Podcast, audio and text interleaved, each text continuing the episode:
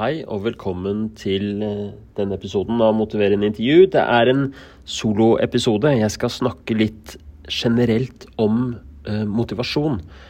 Og mm, utgangspunktet for denne episoden er at eh, i dag så har jeg lansert eh, noe som heter Motiverende intervju på deg selv.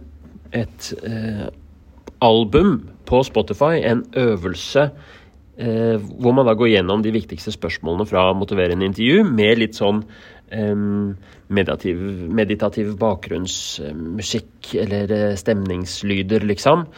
Eh, som et da verktøy for å motivere seg selv, eller for å eh, kunne reflektere og eh, jobbe med egen motivasjon, jobbe med egen drivkraft. Hva er det man vil? Og ut, særlig da utforske ambivalens. Jeg kommer mer tilbake til det i løpet av denne episoden, fordi eh, det jeg har lyst til å gjøre i dag, er å snakke litt sånn fritt om motivasjon, hva det er, hva motiverende intervju er, og endring. Og så komme inn på litt eh, tips til for det første hvordan man selv kan få litt mer sånn stabil og forutsigbar motivasjon. Noe som altså Hele livet mitt i hvert fall har vært noe som har vært flyktig og vanskelig for meg, og som jeg har brukt veldig mye tid på å lære meg eh, teknikker, metoder for å, ja, motivere, motivere, meg selv. Og da er det ikke snakk om den derre ah, at jeg skal liksom ta ut alt her. Det er liksom den derre stabile, forutsigbare motivasjonen som jeg har vært ute etter. da. Så den skal jeg snakke om. Noen konkrete tips på det. Så kommer vi inn på liksom det paradoksale ved å gjøre et motiverende intervju på seg selv. Det vil jeg snakke litt om. Og så kommer jeg inn på noen fordeler med å bruke dette verktøyet som eh, jeg har laget og lansert. Og så til slutt så er det da ti tips til hvordan få mest mulig ut av dette motiverende intervjuet på deg selv. Så hvis du syns dette høres interessant ut, så er det bare å lene seg tilbake eller eh, feste setebeltet eller hvor nå enn du er akkurat nå. Så skal vi i fred og ro gå gjennom disse temaene. Jeg håper å kunne dele noe her som er nyttig, som eh, kan gi deg noe. Kanskje noe som du ikke vet fra før. Eh, til eh, deg som er ny lytter, så kan jeg jo si litt om meg selv fra før. Jeg er, jeg er lege. Jeg er eh, utdanna i Oslo. Jeg har jobba litt i psykiatri og med psykisk lidelse med pasienter som har forskjellige Alt fra depresjon til psykose til ADHD til personlighetsforstyrrelser. Den type medisin syns jeg er veldig spennende og givende å jobbe med, men de siste årene har jeg startet på en eh, doktorgrad i atferdsfag, som da handler om hvordan eh, helse og psykologi henger sammen, hvorfor vi gjør som vi gjør, og særlig handler det mye om hvordan eh, helsepersonell kan kommunisere på en nyttig måte. Og det handler om hvordan vi kan hjelpe pasienter med å gjøre endring. Og det er særlig det, hvordan vi kan motivere pasienter, som har vært en skikkelig sånn interesse faglig for meg, eh, og som jeg har fordypet meg i i mange år. Og da er det hovedsakelig motiverende intervjumetoden som, eh, som jeg har eh, fordypet meg i.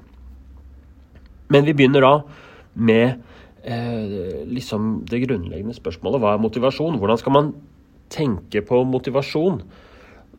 Jeg tror det for mange så dukker det opp masse forskjellige assosiasjoner Eh, når man hører ordet motivasjon, og også når man hører ordet motiverende intervju, så vet jeg at det dukker opp noen assosiasjoner som egentlig eh, ikke er så veldig konstruktive. Jeg tror mange ser for seg liksom, å, nå skal vi ha et motiverende intervju, så ser man for seg en sånn en sånn der um, fyr som står på en scene og som roper 'Kom igjen! Uh, gi jernet', liksom. Man ser for, seg kanskje sånn derre Eh, sånne der eh, Navy Seals eller idrettsfolk som, som eh, heier og, um, og på en måte skal drive seg frem. Og det er et eller annet litt sånn der slitsomt. Det er et eller annet at det handler om å bli tvunget til å gjøre noe man egentlig ikke vil eller orker selv. Og da tenker jeg at det er viktig å snakke om en viktig eh, distinksjon. Og det er forskjellen på indre motivasjon og ytre motivasjon. Og jeg tror de fleste har en slags sånn følelse av det, hva indre og ytre motivasjon er. Um, og den psykologiske definisjonen er at ytre Eller altså um, Det er litt forskjell på den psykologiske uh, definisjonen og det som liksom er det som kanskje føles som indre og ytre motivasjon. Og jeg skal si litt om hva jeg um, syns er viktig der. Så uh, når man snakker om uh, I psykologien så snakker man om indre motivasjon. Det er når man gjør noe, eller at man blir drevet til å gjøre noe som er gøy bare pga. handlingene i seg selv. Så man ser for seg en person som bare syns det er kjekt og gøy å tegne, og som sitter og tegner uten å tenke på at eh, denne tegningen eh, skal utrette noe. At man, man, tenker ikke at man får noen konsekvenser av å gjøre det. Man gjør det kun fordi handlingen i seg selv er interessant. Mens ytre motivasjon er når man gjør noe som, hvor handlingen ikke er interessant i seg selv, men fordi man får en eller annen positiv konsekvens av det. Enten at man får en belønning, eller at man unngår eh, negativ konsekvens. F.eks. at man unngår en straff, eller at man eh, Ja. Så Det er liksom den psykologiske definisjonen på det. Og så har du den eh, måten som jeg tror veldig mange tenker på det når man snakker om eh, motivasjon, er at man tenker om indre motivasjon. Det er det som kommer innenfra, det jeg vil, det som er basert på mine verdier og mine ambisjoner. Og det er litt annerledes, ikke sant? Fordi eh, du kan se for deg at en person som gjør noe som eh, han eller hun syns er ganske sånn tungt eller vanskelig. ikke sant? F.eks. At, man, eh, at man setter seg ned og skriver en bok. Og så har man ikke glede av prosessen i seg selv. Man syns det er tungt. Man gjør det på en måte for å utrette noe. Så på den måten så er det ytre motivasjon, men det er et eller annet ved den handlingen som allikevel føles bra, fordi man på slutten av dagen så er man stolt av seg selv. Man har jobbet for det man, eh, det man tror på, det man ønsker. Man er liksom i tråd med sine verdier og ambisjoner. Mens hvis man hadde jobbet eh, hardt Det kunne til og med vært noe som man man har glede av å gjøre, f.eks. sitte og game hele dagen. ikke sant? Det kunne man jo tenke seg, sånn Psykologisk så er det indre motivasjon, fordi man har glede av handlingen i seg selv. Men man sitter der med en litt sånn dårlig følelse fordi man føler at ah, det er ikke egentlig dette jeg vil gjøre. Jeg ville jo ha noe ut av dagen i dag.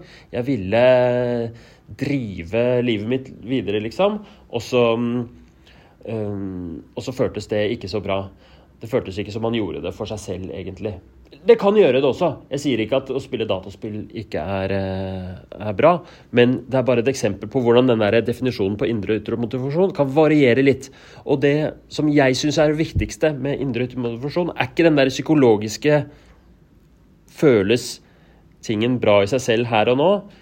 Det handler mer om liksom, er det jeg driver med, i tråd med mine verdier og mine ambisjoner, sånn jeg ønsker å være, og det jeg ønsker å utrette. Og det er liksom Hvis man, hvis man klarer å, å, å, utvikle seg på en måte som gjør at man stadig vekk gjør ting som er i tråd med seg selv, selv om den tingen du gjør er vanskelig. F.eks. kan det være at jeg ønsker å være en eh, ærlig og redelig person, ikke sant? Sånn at eh, jeg eh, sier sannheten, og jeg tar den tøffe samtalen selv om det føles vanskelig. Eller jeg sier unnskyld eh, selv om det føles vanskelig. I de situasjonene, problemstillingene der, så syns jeg den andre definisjonen til indre og ytre motivasjon er litt bedre enn uh, den akkurat psykologiske. Fordi uh, den indre motivasjonen da vil jo si sånn uh, Nei, nei, ikke ta den tøffe samtalen. fortsett å se på TV, liksom. Fordi det er det som føles bra i seg selv. Så, så det er i hvert fall mine tanker om indre og ytre motivasjon. Og fordi når vi kommer videre til neste, neste liksom spørsmål. Hvordan, hvordan kan man få en mer sånn stabil og forutsigbar motivasjon? Så er det den derre indre motivasjonen som jeg er ute etter. Da. Hvordan kan man med en viss forutsigbarhet i livet sitt klare å gjøre de tingene som man vil innerst inne, liksom. At man leve opp til de forventningene og ønskene man har til seg selv, og hvem man vil være. Um, så derfor um, syns jeg det liksom det er, For å besvare det spørsmålet, så er det liksom tre veier jeg vil gå, da. Um, og det første, for å liksom få en stabil, forutsigbar da, indre motivasjon Jeg er ikke så opptatt av den ytre motivasjonen da. Da er det Det handler om å utforske hva som er viktig for seg. Altså Hvis man skal klare å stabilt leve etter sine verdier, så er det viktig at man har klart for seg hva disse verdiene, hva ambisjonene er. Hva er det jeg vil? Hvem vil jeg være? Hva er viktig for meg?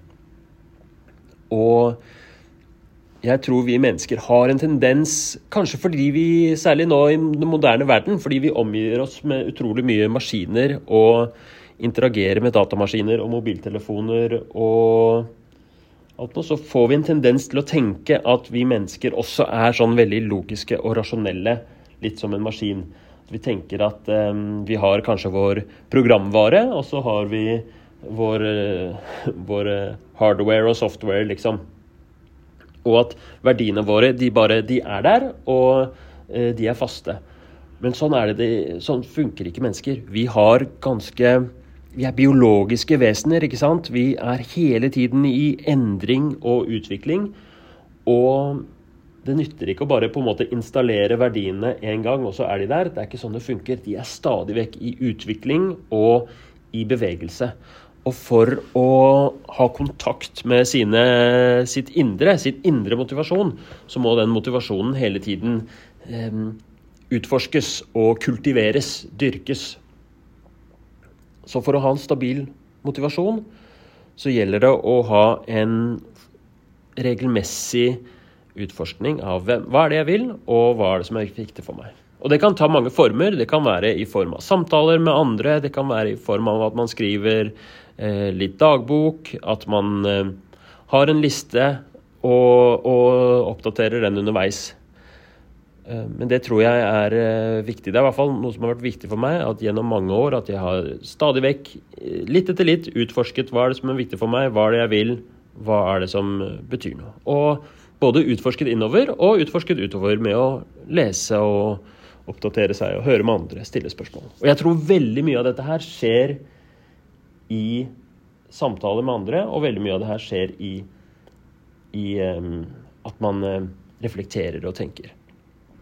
Og hvis man da lever et eh, moderne liv som vi mange gjør, da, hvor det er veldig mye press på tiden vår og press på oppmerksomheten vår hele tiden, så er det kanskje vanskelig å sette av den lille tiden til å tenke etter, reflektere over hva man vil, og hva som er viktig, og hva er det som betyr noe for meg. Hvem er det som betyr noe for meg? Eh, så litt av det det kommer vi jo til etterpå, da, men litt av det er tanken med denne øvelsen. Og det, er, det som jeg tror den får til på en god måte, er at den gir deg den plassen til å reflektere over hva er viktig, hva er det jeg vil, eh, og hva som ligger i det. Så det er steg én for å få en mer stabil og forutsigbar eh, motivasjon. Det er å regelmessig utforske hva som er viktig for seg. Nummer to, det er å bearbeide, eller altså prosessere, sin ambivalens.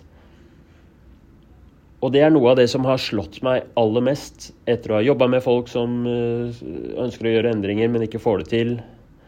Og jobbe med motiverende intervju med både pasienter og med gjester på podkasten her. Det er hvor viktig den der ambivalensen er. Ambivalens, eh, for de som ikke vet det, det er når man har motstridende tanker eller følelser knytta til noe.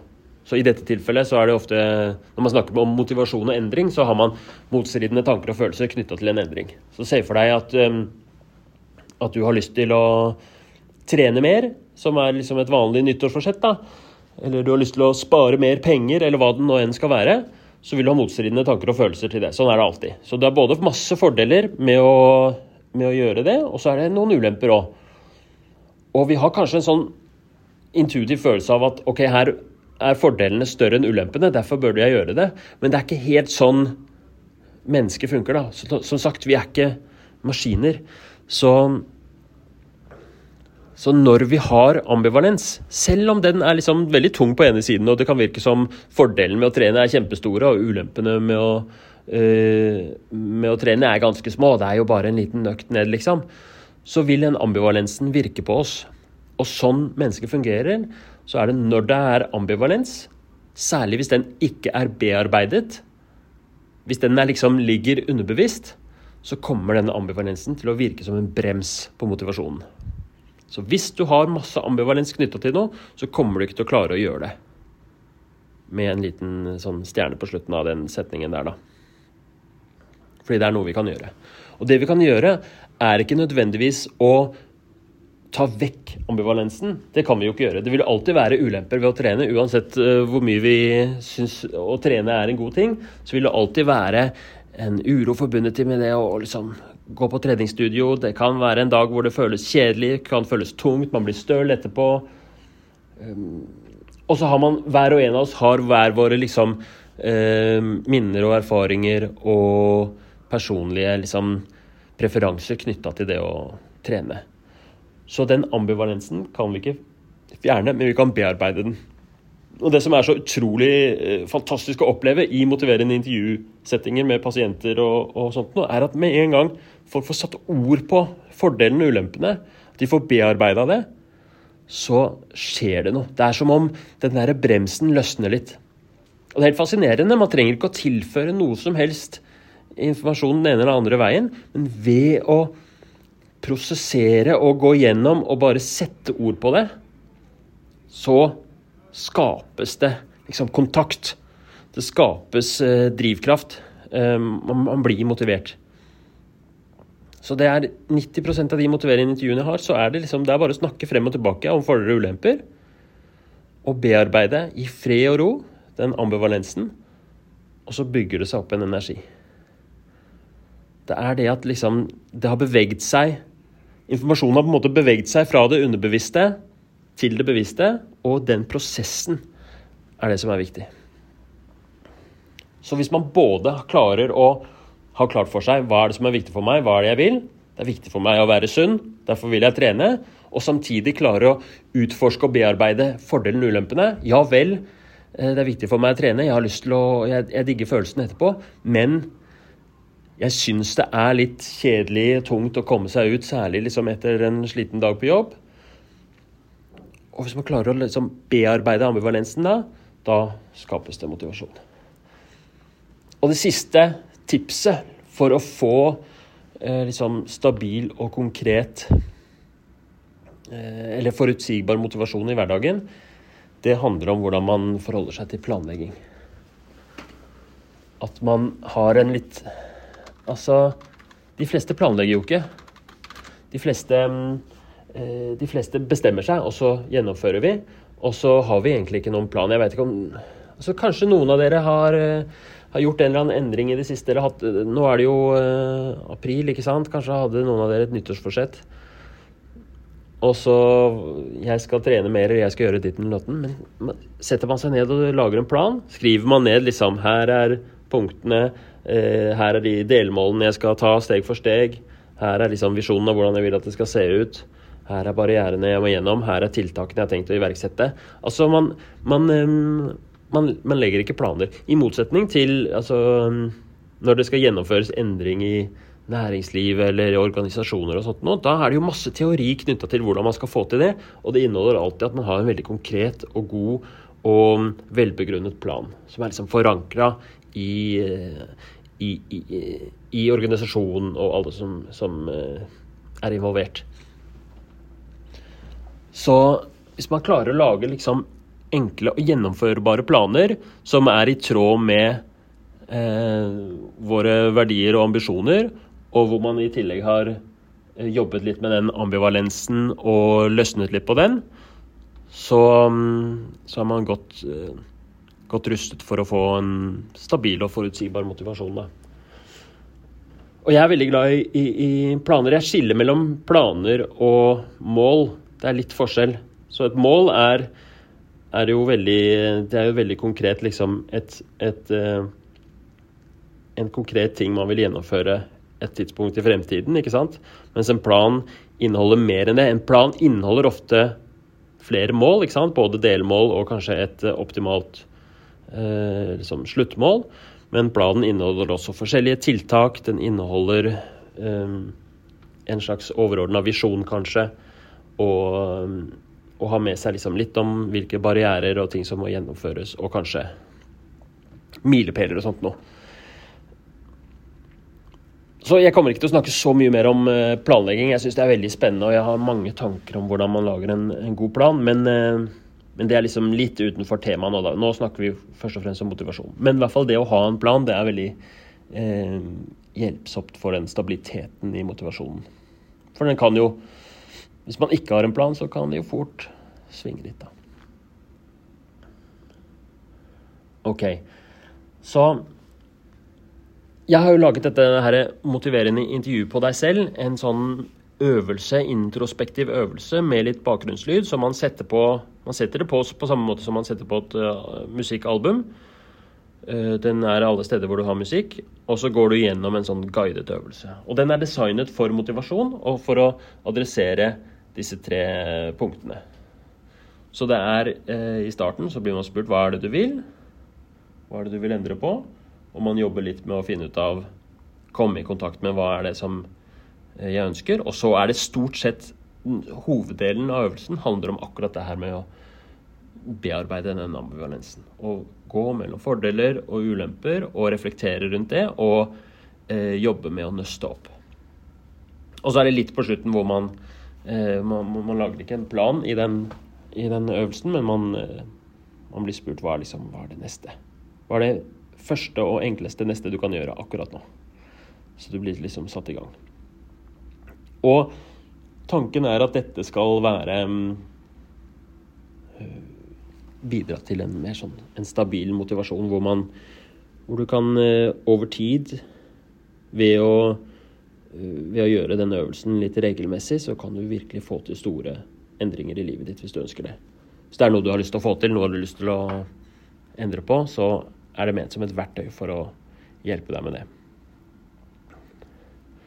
Så eh, jeg vet jo godt, og det er liksom et sånn paradoks med å gjøre motiverende intervju på seg selv. Det er et stort paradoks fordi jeg er en stor fan av den metoden, og jeg syns den er viktig og riktig. Og det er eh, på en måte helt paradoksalt å tenke at man kan gjøre det på seg selv. For er, den er utviklet for at man skal gjøre det i en samtale. Og der tror jeg det er noe veldig viktig. Altså, det er ikke bare spørsmålene som stilles i et motiverende intervju som er verdifulle, det er mange andre ting som skjer òg. Det er følelsen av at man blir sett og hørt og forstått. Følelsen av at et annet menneske er der med tålmodighet og aksept og anerkjenner deg for den du er. De tingene er ekstremt viktige. De vil jo ikke selvfølgelig få i en sånn øvelse du gjør med deg selv.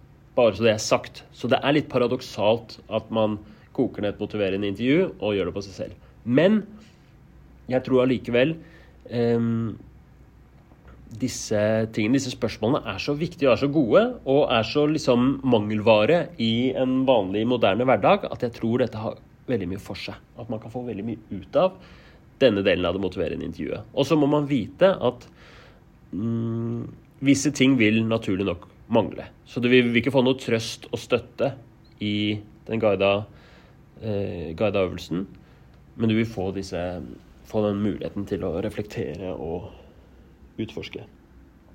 Men når vi kommer tilbake til de der tipsene til hvordan man får mest mulig ut av det, så kommer vi til å komme litt inn på hvordan man kan eh, adressere det òg, da. Den på en måte svakheten denne øvelsen her, er det at det ikke er noen andre med.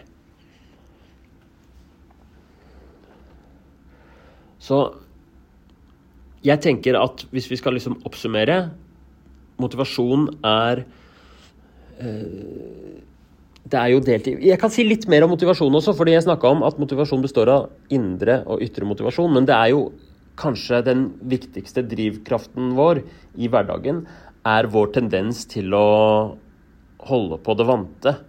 Vanens kraft. Og um, den regnes kanskje ikke inn som en del av motivasjonen, men man kan jo, like godt, man kan jo godt tenke det også. At um, vi drives så til å til å gjøre akkurat sånn som vi har gjort før. Og noen ganger, Vi har jo også tendens til å rasjonalisere ikke, ikke sant, som mennesker. Så det vi Det er også en litt sånn pussig psykologisk eh, tendens vi har. Det at vi rasjonaliserer. Det at vi på en måte etter at vi har gjort noe, så begrunner vi hvorfor det var fornuftig. Så, eh, så det er en sånn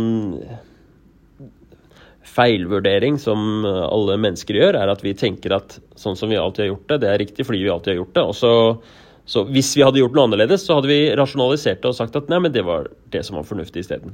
Gir det mening? Så, så det, den rasjonaliseringa kombinert med vår tendens til å trekke mot status quo, det vante, er veldig sterk. Så hvis man skal få til en endring, så er det Det vet alle som har prøvd å gjennomføre et nyttårsforsett, så er det vanskelig. Fordi vi har en slags sånn gravitasjon mot det faste. Så derfor, for å gjennomføre faktisk endring, så trenger man liksom å komme over en viss terskel av motivasjon. Og det er både sånn rasktvirkende her og nå-motivasjon, men også den stabile over tid. Hvis man klarer å holde på motivasjonen litt over tid, så så vil man kunne gjøre endring. Og det tror jeg nettopp det er fordelen med liksom dette verktøyet her. da, Det er at det er noe du kan gjøre. Du kan sette opp liksom eh, litt regelmessig over tid. Bygge opp nok energi, nok drivkraft, til å følge opp og gjennomføre en endring. Med den, eh, med den styrken som trengs for å faktisk komme deg forbi den derre den der motstanden som ligger i at vi har en sånn derre tendens til å fortsette som før, da. Vanens kraft er sterk. OK. Så da har vi snakket litt om motivasjon, vi har snakket litt om eh, motiverende intervju og mine tanker rundt det. Jeg håper du har lært litt av det. Nå kommer det altså ti tips til hvordan du kan få mest mulig ut av dette her eh, verktøyet. Motivere en intervju på deg selv.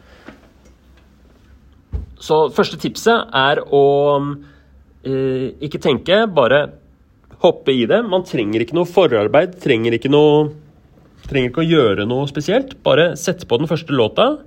Sette av liksom ti minutter, og la det stå til. Og gå inn i det litt med sånn blanke ark. Ikke vær redd for at du må ha en problemstilling klar på forhånd, eller at du må ha uh, vite helt hva det går til. Det er bare Det er ti minutter, det er noe deilig bakgrunnsstemningsmusikklyder, eh, og så er det spørsmål. Så det er tips nummer én. Tips nummer to, det stikk motsatte. Bestem deg for en problemstilling på forhånd. Så hvis du eh, har et eller annet som du liksom Litt på samme måte som vi bestemmer oss for en, et nyttårsforsett, ha et eller annet sånn klart. Jeg har lyst til å endre på dette, eller jeg har lyst til å gjennomføre dette. Ved å ha en sånn problemstilling klar på forhånd, så blir det lettere å svare på spørsmålene. Og da legger du til rette for at du kan få en, en, en kul opplevelse, da, og at det kan være virkningsfullt. Tips nummer tre det er å gjøre øvelsen flere ganger i løpet av en uke på samme problemstilling. Så ved å repetere så forsterker man effekten. Man, eh, man kommer liksom i, i, i dybden, og ved å sette det opp liksom flere ganger i løpet av en uke, så sikrer man den der stabiliteten. da. At dette her, Det er litt som å, eh, litt som, eh, å trene muskler. ikke sant? Det hjelper ikke å bare gjøre det én gang. Så sett av liksom ti minutter flere ganger i løpet av en uke, og gjør den samme problemstillinga. Det syns jeg også er viktig. at Det er fort gjort at man tenker eh, nå skal jeg endre på alt på en gang. Men fikk deg ut én ting, og konsentrere deg om den til at, til at du har liksom kommet deg gjennom endringen. Endringen er ofte altså Hvis man tenker f.eks. begynne å trene. Når er det man har lykkes med å begynne å trene? Er det etter at man har trent i en uke? Nei, det er jo ikke det. ikke sant? Vi må komme oss så langt at øh, det har blitt en vane. Og litt avhengig av hva slags problemstilling det er, så, så, så, tar det forskjellig lengde med tid. Altså Når er det man har slutta å røyke, liksom? Det kan for mange føles som Da jeg slutta å snuse, så syns jeg det tok ca. et år til at jeg var sånn Nå er det helt, helt, vanlig for meg å ikke snuse. Jeg blir ikke fristet hvis jeg ser en snusboks. Jeg synes ikke, Det kommer ikke noe sånn der, liten sånn sorgfølelse etter middag eh, når jeg vanligvis eh, koser meg maks med den snusen. Så det vil være litt forskjellig. Så jeg ville, jeg ville konsentrert meg om én endring av gangen, og i hvert fall en måned. Og det syns jeg er vanskelig selv. ikke sant? Jeg blir ivrig, og jeg får lyst til å, når jeg først har fått til én ting, så får jeg lyst til å hoppe rett på neste med en gang. Men prøv å begrense seg litt der. Én problemstilling eh, i måneden, maks. Som en tommefingerregel.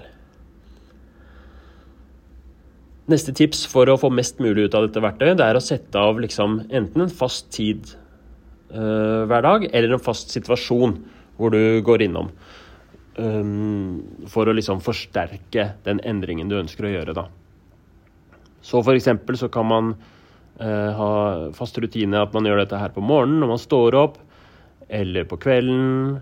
Uh, jeg har jo Jeg liker godt å koble det til forskjellige situasjoner, så jeg har en sånn greie med at jeg uh, har brukt guida meditasjoner når jeg er på kollektivtrafikk, f.eks. Det kan man gjøre med det her òg. Hver gang man er på bussen, så, så går man gjennom en type sånn øvelse her. Da. Så man kan koble det til f.eks. bussturen på vei til jobb. Eller hvis man er i bilen. Så det er tips nummer fire. Bestem deg for en fast tid eller situasjon for å høre. Tips nummer fem det er å bruke penn og papir underveis. Det gjør det mye lettere å holde konsentrasjonen. Man kan også uh, ha et notat på mobilen, ikke sant? og det blir en litt mer sånn Det blir en litt annerledes øvelse av det. Ofte så kan man da bli litt mer sånn rett fram og inn i boksen. At det ikke blir så introspektivt og reflekterende, men det blir litt mer sånn der, eh, pragmatisk måte å gjøre det på. Men jeg syns i hvert fall Hvis man syns det er vanskelig å holde konsentrasjonen, da er det genialt å bruke penn og papir underveis. Eh, ellers, for å liksom forsterke opplevelsen, for å få en sterkere effekt, så kan det være lurt Dette er da tips seks. kan være lurt å skrive inn en um, oppsummering etterpå. Så opprett et eller annet notat. Eh, du kan gjerne ha et, notat som du skriver oppsummering etter hver gang, ikke sant? Eh, som du kaller liksom Det her er eh, MIPD MIPDS-notatet, liksom. Og så setter du dato og klokkeslett. Og så her er tankene kort oppsummering på en, en, setning eller to. Hva jeg følte, hva som jeg eh, reflekterte over, og hva jeg kom fram til i, i denne gjennomgangen.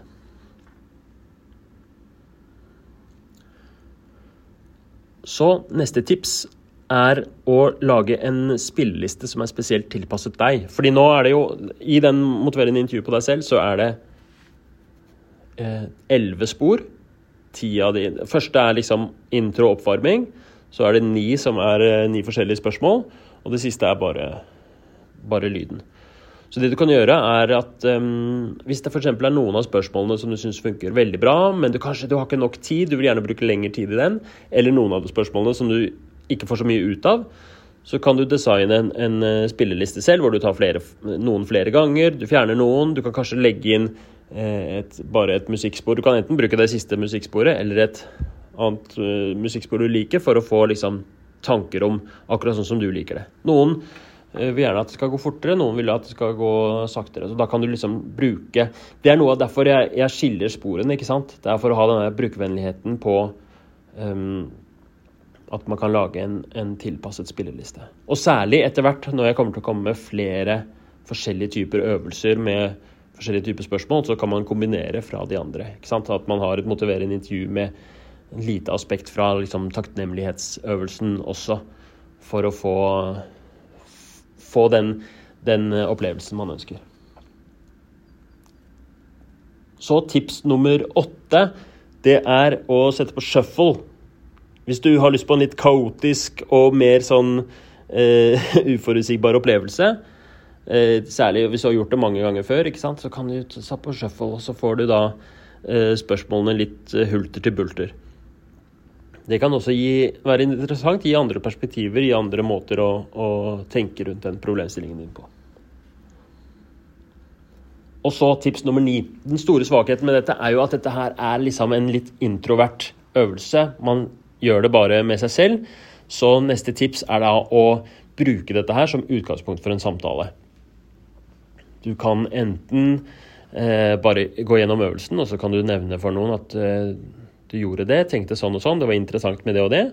Litt sånn som den um, oppsummeringa, bare at du nevner det for en, en, du kjenner. Men man kan også gå mer sånn metodisk til verks og, og sette seg ned med en kompis, avtale 'jeg har lyst til å endre på det, du har lyst til å endre på det', nå hører vi begge to på soundtracket, og så kommer vi tilbake og har en liten samtale med hva som var ambulansen. hvordan det føles, hva som funka, hva som ikke funka. Det kan gjøre at det er mer eh, kraftfullt. Man kan også ta liksom Hvis du skal til en eller annen veiledningssamtale, eller hvis du skal til psykolog eller, eh, eller eh, rådgivningssamtale hos noen, så kan du bruke det her som et utgangspunkt. og en slags oppvarming ikke sant, til du kommer inn i. Eh, det er jo forskjellige måter å få liksom maksimalt ut av dette her produktet, liksom. Og det siste tipset det er eh, knytta til dette med at for å ha stabil motivasjon og for å få til en endring over tid, så er det så viktig med en eller annen gjennomførbar plan. Og da jeg, har, jeg driver og jobber med å lage en sånn mal for endringsplan. Eh, det er noe jeg har jobbet med eh, lenge allerede og fortsetter å liksom utvikle. Jeg er liksom ikke helt i mål med en perfekt plan, men det er i hvert fall den den beste versjonen jeg har hittil, den ligger eh, tilgjengelig på nettsida mi, hermanegenberg.com. Kan man bare laste ned.